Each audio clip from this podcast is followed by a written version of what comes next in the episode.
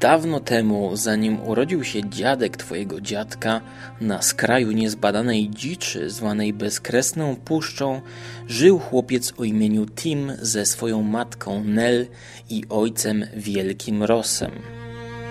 Przez długi czas wszyscy troje byli dość szczęśliwi, chociaż niewiele mieli.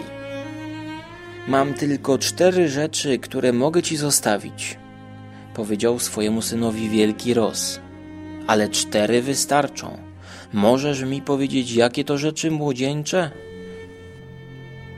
Tim mówił mu to wiele razy, ale nigdy się tym nie znudził. Twój topór, szczęśliwą monetę, ziemię i dom, który jest równie dobry jak pałac króla czy rewolwerowca w świecie pośrednim. Potem, po krótkiej przerwie, dodawał: I moją mamę to razem pięć.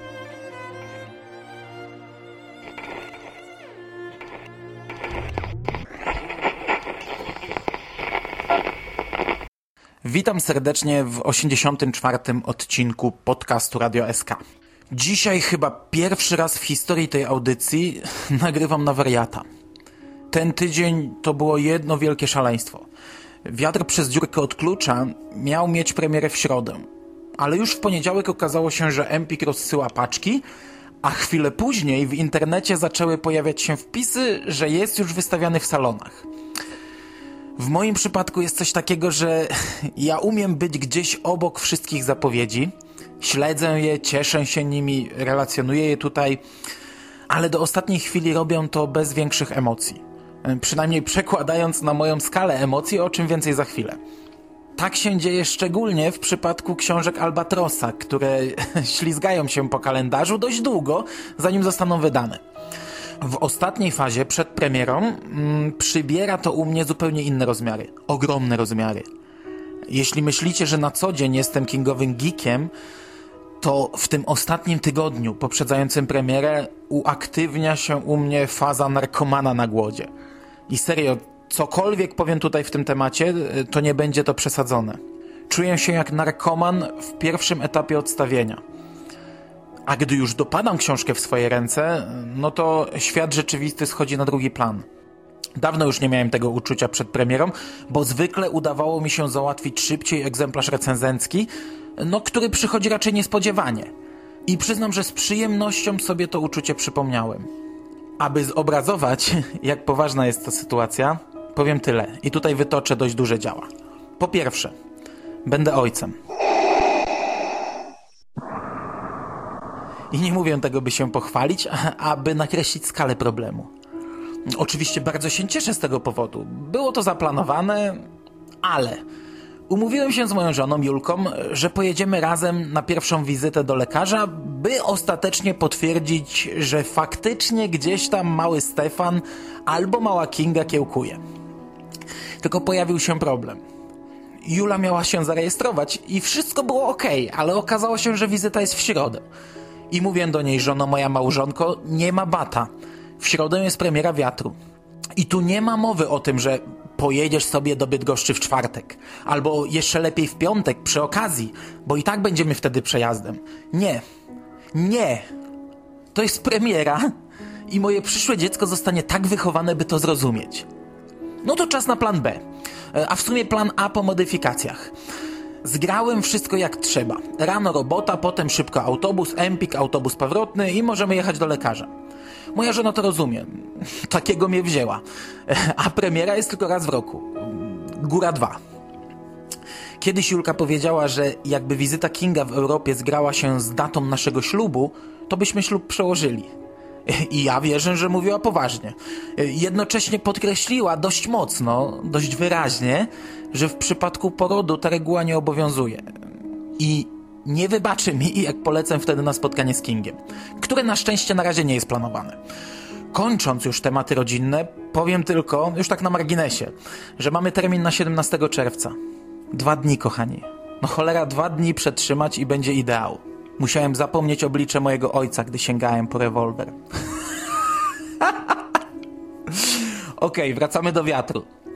Jakie były moje oczekiwania wobec tej książki? Otóż zróżnicowane. Po pierwsze, wiele zwiastowało, że będzie to raczej powtórka z oczu smoka. Kiepściutka bajeczka dla dzieci. Y, rozdmuchana do objętości książki, do tego zbierająca same słabe recenzje. Ale po drugie, no sorry, to jest nowa wieża. Nowa mroczna wieża. Po ośmiu latach od zakończenia cyklu. Także z jednej strony obniżyłem poprzeczkę, wiedząc czego oczekiwać i no nie ukrywam, że posiadanie tej wiedzy przed lekturą było zbawienne, bo w tym przypadku warto wiedzieć, czego można się spodziewać. Ale z drugiej strony to była dla mnie premiera roku.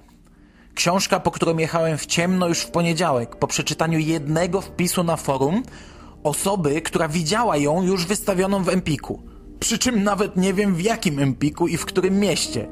Równie dobrze ktoś mógł to zrobić przez pomyłkę, co dla mnie w tym momencie było nieistotne. I nieważne, że następnego dnia przyjdzie do Empiku moja paczka z 15% zniżką, która cały czas gdzieś tam sobie leży w Bydgoszczy na półce.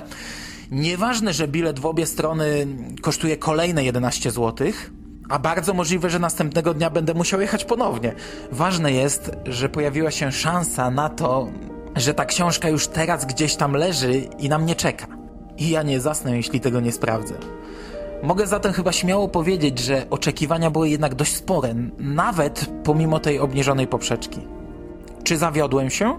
E, absolutnie nie. Ale o tym szerzej za chwilę. Zacznijmy od tego, czym w ogóle jest ta książka. Stephen King w liście otwartym do czytelników, e, w którym zapowiadał nową powieść z Uniwersum Wieży, pisał coś takiego. W pewnym momencie, podczas zamartwiania się nad przygotowanym do druku manuskryptem nowej książki Dallas 63, zacząłem myśleć i marzyć ponownie o świecie pośrednim. Główna opowieść o Rolandzie i jego katet została opowiedziana, ale zrozumiałem, że znalazła się przynajmniej jedna dziura w paśmie narracji. Co stało się z Rolandem, Jake'em, Edim, Susana i Ejem pomiędzy opuszczeniem szmaragdowego miasta pod koniec Czarnoksiężnika i Kryształu, a momentem, gdy powracamy do nich na peryferiach, na początku Wilków Skala. Koniec cytatu. I okej, okay, ja się zgadzam, że między tymi tomami jest luka. Zresztą cała Mroczna Wieża nieoficjalnie dzieli się na czteroksiąg przedwypadkowy i trylogię powypadkową. I te dwie serie dzieli nie tylko styl czy linia fabularna. Faktycznie, pomiędzy tym czwartym a piątym tomem można bez problemu wcisnąć kolejną książkę, o czym kiedyś nawet sam myślałem. Czy jest to konieczne? Absolutnie nie. I, I, moim zdaniem bardzo ważnym jest, by wiatru przez dziurkę od klucza nie traktować jako książki wchodzącej w skład cyklu. Kiedyś trochę obawiałem się, że Albatros tak właśnie ją wyda, bo pan Kuryłowicz często w skrócie nazywał ją ósmym tomem. Trochę też bałem się, że przy kolejnych wznowieniach cyklu na świecie King sam zdecyduje się na nową numerację i Wiatr dostanie numerek 5, a cały cykl zostanie przemianowany na ośmiotomowy. Mam nadzieję, że do tego nie dojdzie, bo choć Wiatr jest w moim odczuciu książką świetną, to bardzo istotne jest, aby podchodzić do niej jak do dodatku do głównego dania. Poza tym tak naprawdę ta historia mogła zostać umiejscowiona równie dobrze w każdym innym punkcie na ścieżce promienia. Sam fragment, w którym towarzyszymy dorosłemu Rolandowi, Suzana, Ediemu, Jake'owi i Ejowi, to jest tylko oprawa. Bohaterowie idą, trafiają do kolejnego miasteczka, gdzie spędzają krótki czas, po czym wyruszają w dalszą drogę. Czy książka zapełniła e, okres między tomem czwartym i piątym? Moim zdaniem nie bardziej niż było to do tej pory. Znaczy no, odrobinę bardziej, ale to nie jest wypełnienie luki. Tak naprawdę King mógłby teraz napisać kolejną książkę, która zacznie się 5 minut później i będzie wprowadzeniem do kolejnej opowieści z dawnych dni.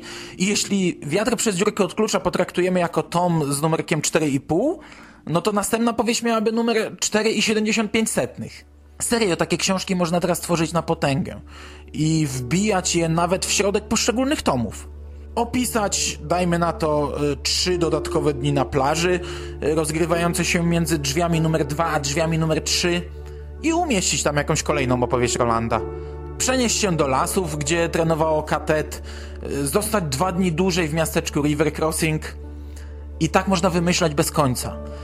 I ja powiem coś, z czym może nie każdy się zgodzi, ale ja mam nadzieję, że takie książki powstaną. Kręgosłupem tego uniwersum jest siedmioksiąg.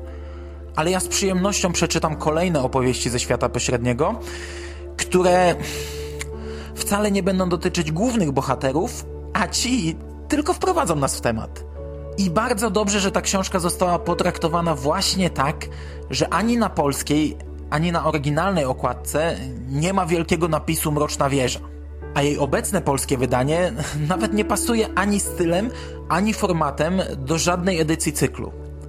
Bo najgorsze, co może się przytrafić wiatrowi przez dziurkę od klucza, to podpięcie go do głównej sagi jako równoprawną część.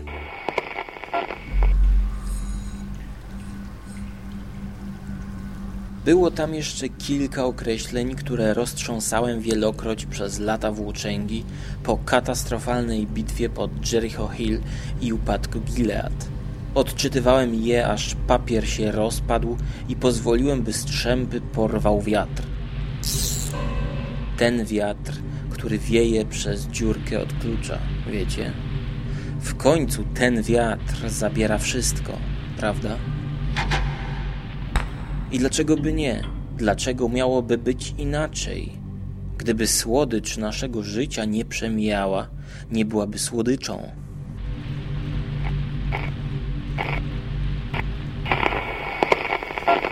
Wiatr przez dziurkę od klucza ma układ szkatułki. Książka tak naprawdę składa się z trzech opowiadań, przy czym każde kolejne jest włożone w poprzednie. Te opowiadania jakoś tam zazębiają się ze sobą, przenikają się nawzajem i moim zdaniem sprawdzają się właśnie w takim układzie. Okej, okay, można by z tego zrobić normalny zbiór opowiadań i wtedy zarówno młodość Rolanda, jak i główna środkowa baśń e, no, sprawdziłyby się także jako samodzielne twory. Jedyne, co w takiej formie nie zdałoby egzaminu, to obudowa, będąca wspomnianym już łącznikiem między czwartym a piątym tomem, czyli w zasadzie będąca punktem wyjściowym do napisania tej powieści. E, no bo ten fragment sprawdza się tylko w roli prologu i epilogu, a absolutnie nie ma potencjału na osobną historię. Konstrukcja wiatru przez dziurkę od klucza wygląda następująco. Pierwsze 50 stron to dalsze losy katet, których spotykamy dokładnie w momencie, w którym rozstaliśmy się w Czarnoksiężniku i Krysztale. Następnie Roland zaczyna opowiadać kolejną historię z młodości, która ciągnie się przez około 100 stron i przerywa na jeszcze jedną opowieść, którą z kolei opowiada młodsza wersja Rolanda z tej pierwszej opowieści. Środek książki stanowi opowieść główna, zatytułowana właśnie Wiatr przez dziurkę od klucza. Po 200 stronach przenosimy się znów do przerwanej historii młodego Rolanda, a po kolejnych 40 wracamy do punktu wyjścia, czyli na szlak wiodący ścieżką promienia. Jeśli komuś nie podobała się konstrukcja Czarnoksiężnika i Kryształu, czyli powieści w powieści, to tym bardziej nie spodoba mu się Wiatr przez dziurkę od klucza, gdzie mamy opowiadanie w opowiadaniu w opowiadaniu. I zostawmy już zewnętrzną obudowę tej historii, którą omówiłem już wystarczająco. Przyjrzyjmy się dwóm środkowym opowieściom. Najpierw Młodość Rolanda, czyli dwa rozdziały pod tytułem Skóroczłek. Jest to historia rozgrywająca się pół roku po incydencie, jaki kończył poprzednią opowieść Rolanda opisaną w tomie czwartym. Wiatr przez dziurkę od klucza kładzie ogromny nacisk na relację Rolanda z matką. I dlatego King umieszcza akcję właśnie w tym momencie. Samo opowiadanie, Skóroczłek, jest dobre. Oczywiście nie ma sensu porównywać nawet do ogromnego, rozbudowanego na wielu płaszczyznach czwartego tomu.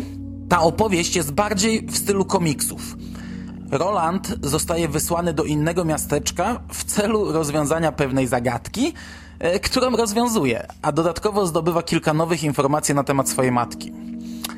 Ta historia jest znacznie lepsza niż większość komiksów, no i świetnie by się w tej formie sprawdziła. Szczególnie wraz ze wstępem i zakończeniem z dorosłym Rolandem i jego katet. Czy była to jakoś szalenie istotna i potrzebna historia? Nie. Podobnie zresztą jak Kala i potyczki z wilkami zajmujące prawie cały tom piąty. Ale też bez sensu oczekiwać jest jeszcze jakichś ważnych zawirowań w tym temacie. Mroczna Wieża jest już dziełem kompletnym. I każdy nowy komiks, każda kolejna książka y, może być tylko dodatkiem, ciekawostką i obudową. Jeśli komuś to pasuje, no to może się cieszyć lekturą wiatru.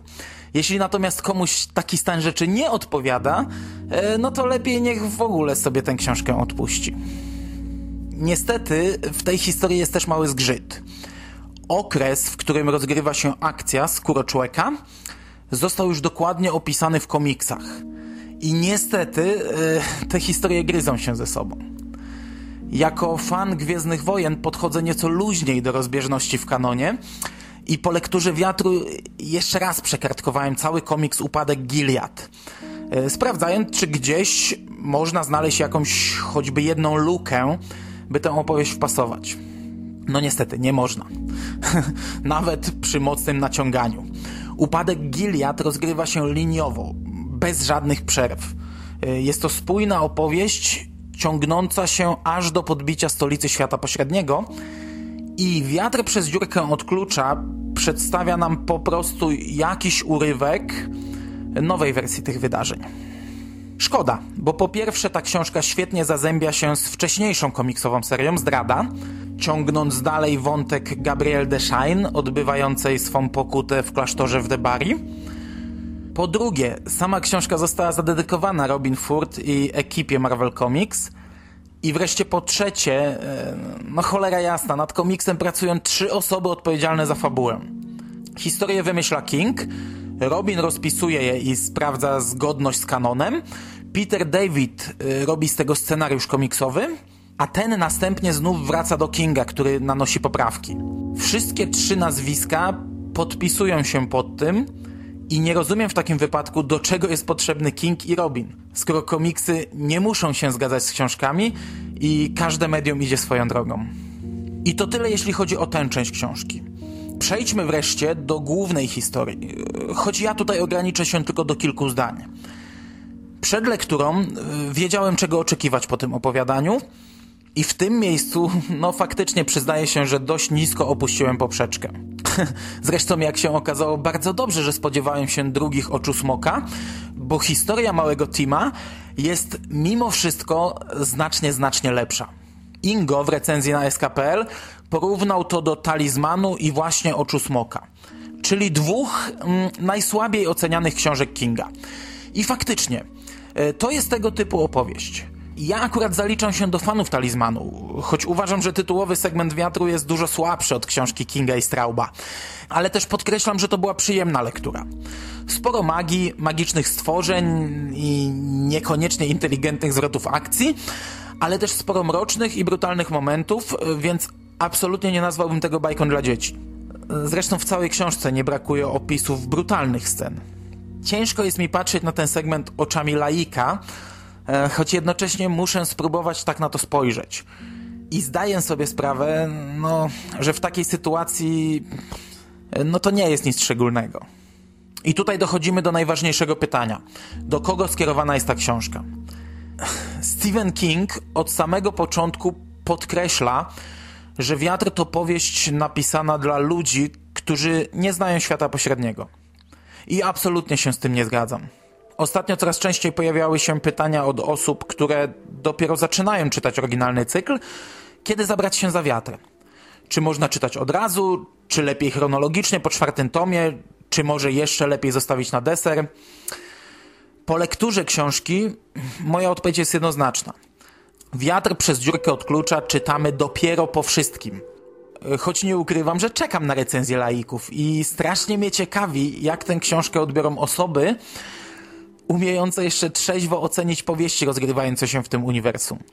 I dlaczego tak mocno naciskam, by czytać to właśnie w takiej kolejności?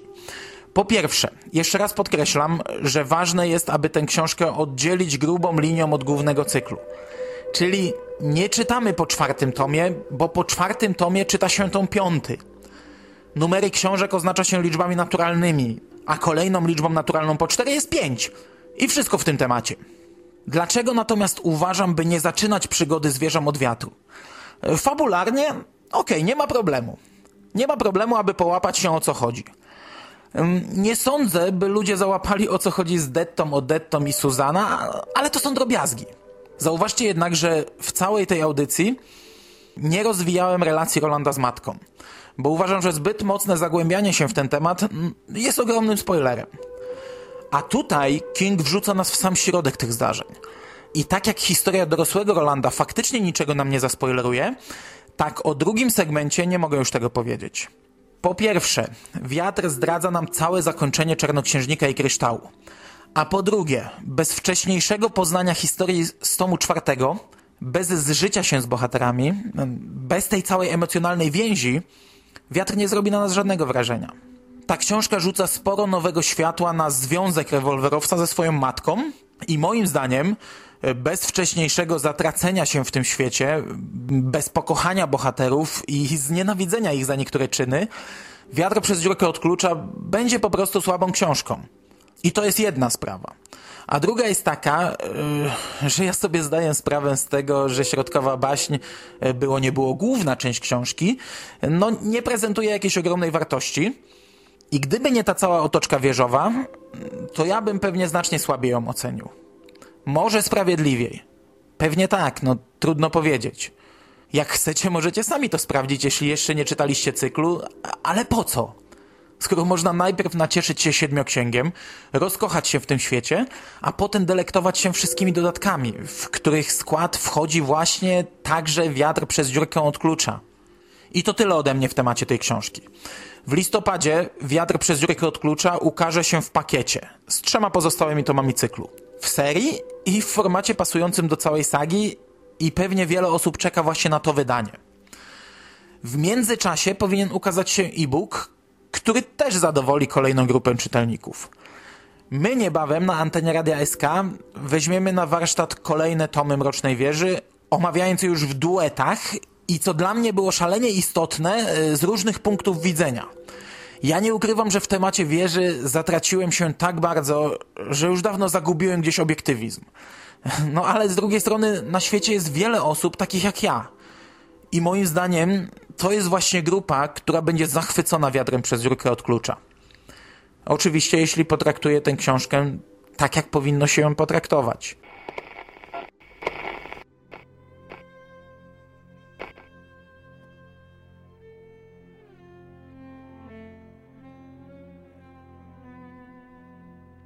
Świetlicy spędzili jeszcze jedną noc, w przyjaźni i rozmawiając, ale nie snując już opowieści. Następnego ranka pozbierali swoje rzeczy i poszli dalej, ścieżką promienia ku Calla Bryn pograniczu i górom gromu oraz czekającej za nimi mrocznej wieży.